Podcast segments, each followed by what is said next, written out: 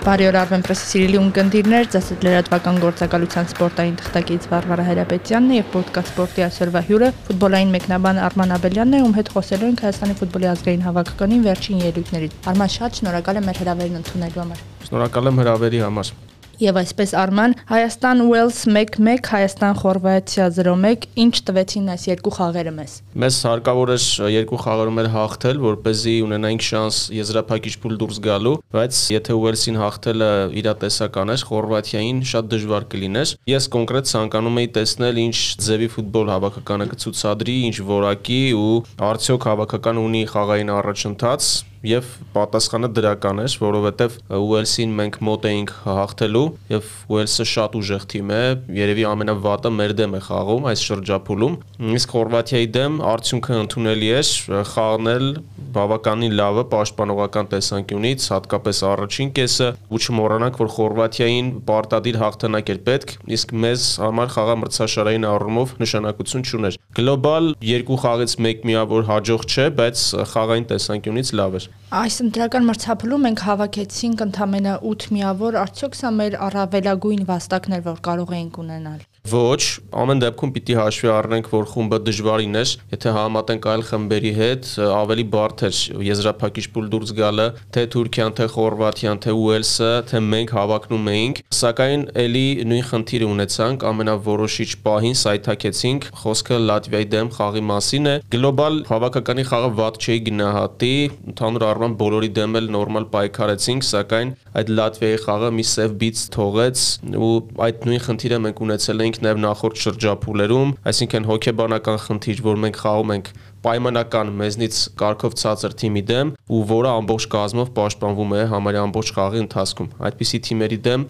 դեռևս հստակ բանաձև չունենք մենք։ Եվ նաև հոգեբանորեն այնուամենայնիվ մենք կամ թերագնահատում ենք կամ գերագնահատում ենք մեզ եւ մրցակցին։ Կուզենայի խոսենք խաղայի դիրքերի մասին։ Ինչպիսի մրցափուլ անցան պաշտպանները, կիսապաշտպանները եւ հարցակողական գիծը, որտեղ եթե մրցափուլի սկզբում մենք տեսնում էինք, այսպես ասած, լավ առաջին գիծ կամ պաշտպանները ինչ որտեղ թերանում էին կամ այնպիսի նվիրվածությամբ չէին խաղում ինչպես վերջին մի քանի խաղերում, մրցափուլի ավարտին ակնհայտ է որ պաշտպանությունը գոնե միջին վիճակագրական վիճակում է։ Փոխվեց արդյոք հոգե հոգեբանությունը ֆուտբոլիստների, թե այնուամենայնիվ խաղային փորձը իրենն ասեց։ Դե Պետրակովը պաշտպանական գիծը հիմնականում չէր փոխում ամբողջ շրջափուլի ընթացքում եւ կենտրոնական պաշտպանի դիրքում մենք ունեինք եւ ունենք երիտասարդ ֆուտբոլիստների, նրանք էլ փորձ հավաքեցին, նույն Գեորգի Հարությունյանը, Ստյոպա Մկրտչյանը ու փորձառուների կողքին ունեցան առաջընթաց։ Ես ընդհանուր կնայի, այսինքն ինչպես է ամբողջ թիմը գրոհում եւ պաշտպանվում։ Վերջին երկու խաղերում պաշտպանությունը ավելի լավ էր, քան նախորդ հանդիպումներում եւ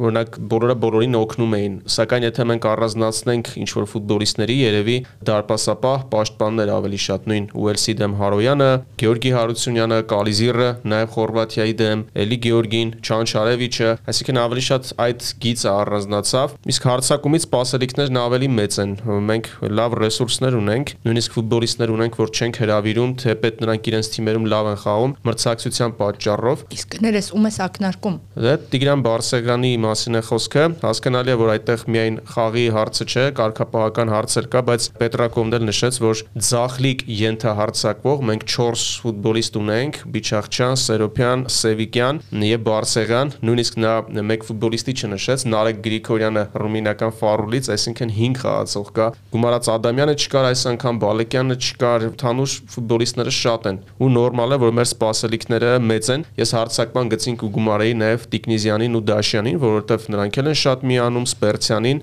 Բնական է, որ մենք մեծ սպասելիքներ ունենք, սակայն վերջին խաղերում կայուն, որ իր ֆուտբոլն է ցուցադրում, Լուկաս Սելարյանն է, որը արդյունավետ է եւ որը այն պայից ինչ սկսեց Սաուդյան Արաբիայից գալ ժամանել Հայաստանի հավաքական, իրեն շատ ավելի լավ է զգում, երկար թռիչքները այլևս չեն խանգարում նրան։ Արման մրցափուլի սկզբին մենք տեսանք նոր անուններ՝ Ռանոս, Տիգնիզյան, Գեորգին եւ այլոք, բայց մրցափուլի սկզբի այն տպավորությունը եւ վերջի խաղերի տպավորությունները նույնն են քեզ համար, թե այնուամենայնիվ ֆուտբոլիստները առավելագույնը չարեցին կամ չսպառեցին իրենց։ Հենց դա է իմ մտահոգությունը, որ մենք մեր առավելագույնը չարեցինք։ Կարծում եմ այս խմբում էլի բարդ խումբ էր, բայց մենք ավելին պետք է անեինք ու գլոբալ մեր կազմն էլ ուժեղացել էր նախորդ շրջափուլերի համեմատ, որոշ խնդրահարույց դիրքերում Պետրակովը ստացել էր ֆուտբոլիստների տարբեր ռեսուրսներով, նույն Չանչարևիչին, Իվուին եւ Ռանոսին մնացյալ ֆուտբոլիստներին, սակայն չհաջողվեց նպատակին հասնել։ Մենք պիտի դա էլ հիշենք, որ մարշի արժև հստակ խնդիր է դրված եղել դուրս գալ եզրափակիչ փուլ, ինչը չի կատարվել։ Բացահայտումներ ունեցար քեզ համար այս մրցափուլում ֆուտբոլիստների, ովքեր քեզ համար իսկապես անակնկալ էին։ Կարծում եմ Գեորգի Հարությունյանն է առաջինը, նա մինչև Հայաստանի հավաքական գալը նույնիսկ Կրասնոդարի առաջին թիմում չէր խաղացել եւ այդպիսի հասուն խաղ կենտրոնական պաշտպանի համար 19 տարեկանում զարմանալի է ու վերջին խաղերում էլ իրեն շատ լավ դրսևորեց։ Ռանոսը երևի բացահայտում, որ եկավ օգնեց հավաքականին, թեպետ վերջին շրջանում նույն արդյունավետությունը ցույց չի տալիս ակումբում խնդիրների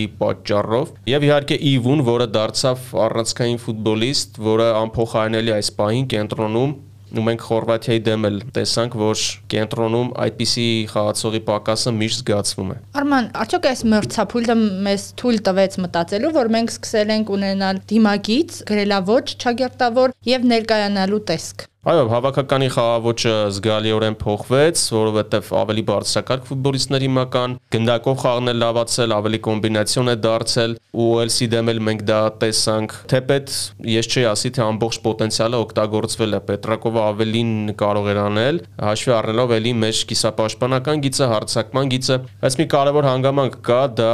կայունությունն է։ Մենք որոշակի կայունություն տեսնում ենք մեր հավաքականում։ Այսինքն եզրափակիչ փուլ դուրս գալը շատ բարդ առաջադրանք աշխատանք է, բայց մենք պիտի գնահատենք արդյոք մոտենում ենք դրան, թե ոչ։ Վերջին երկու շրջափուլերում էլ մենք մինչև վերջին երկու խաղերը շանս ենք ունեցել եզրափակիչ փուլ դուրս գալու։ Այսինքն մենք պայքարի մեջ ենք, ինչ որ կայունություն կա, սա նշանակում է, որ մենք շանսեր ունենք հետագայում դա անելու։ Այդ դեպքում մեր հավաքականի այն ֆուտբոլիստները, ովքեր հիմնական մեր հենասյուններն են, հա, Հարոյան եւ այլն։ Այնուամենայնիվ տարիքային աճ կա եւ սկսում ենք ավակ սերնդին հրաժեշտ տալ, արդյոք երիտասարդները, որ գալու են փոխարինելու նրանց, այդ ստաբիլությունը, ասեմ, հա, կպահպանեն այդ ստաբիլությունը պետք է նախ արժանանան հավաքական հravirվելու շանսին ու հետո ստանան հնարավորություն։ Հիմա Հարոյանն էլ այնպես չէ որ միանգամից սկսել է շատ բարձր մակարդակի խաղալ։ Նրան տվել են շանս, նաև սխալները թույլ տվել ինչը նորմալ է եւ հետո հասել է այս մակարդակին։ Դա պետք է միանշանակ լինի։ Այո, այդպիսի խնդիր կա,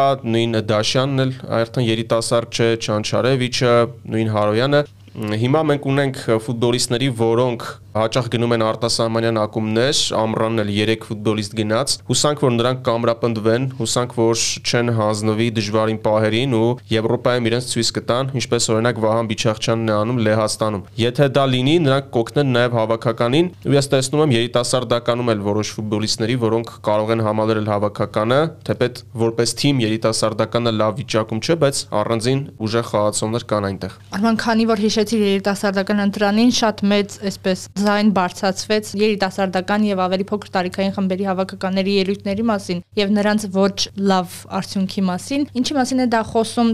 Շատ գլոբալ հարց է, չգիտեմ որտեղից սկսել եւ որտեղ ավարտել։ Ընդհանրապես կասեմ, որ մենք լավ ֆուտբոլիստներ ունեցել ենք եւ ունենք տաղանդի առումով, բայց այլ հարց է ինչպես են այդ ֆուտբոլիստները վերաբերվում իրենց գործին, ինչպես են ուզում զարգանալ։ Մյուս հարցը մարզիչներին արդյոք մարզիչները օգնում են որ այդ ֆուտբոլիստները աճ ունենան առաջին հերթին ակումբներում։ Իհարկե այստեղ գլխավոր պատասխանատուն ֆեդերացիան է, այլ կերպ չի կարող լինել, բայց կարծում եմ ակումբներն էլ պիտի պատասխանատվություն վերցնեն։ Ի վերջո այդ ֆուտբոլիստների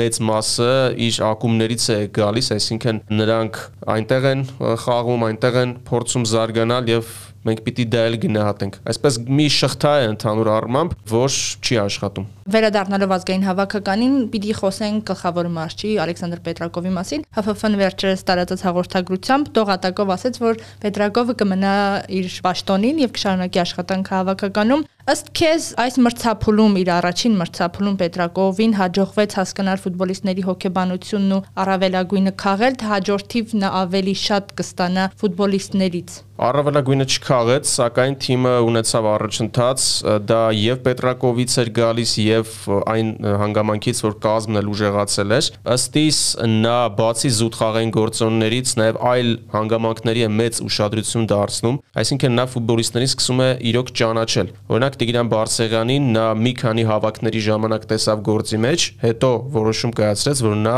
երիտասարդների համար լավ օրինակ չէ իր կարծիքով։ Կամ սկզբում նա ասում էր, որ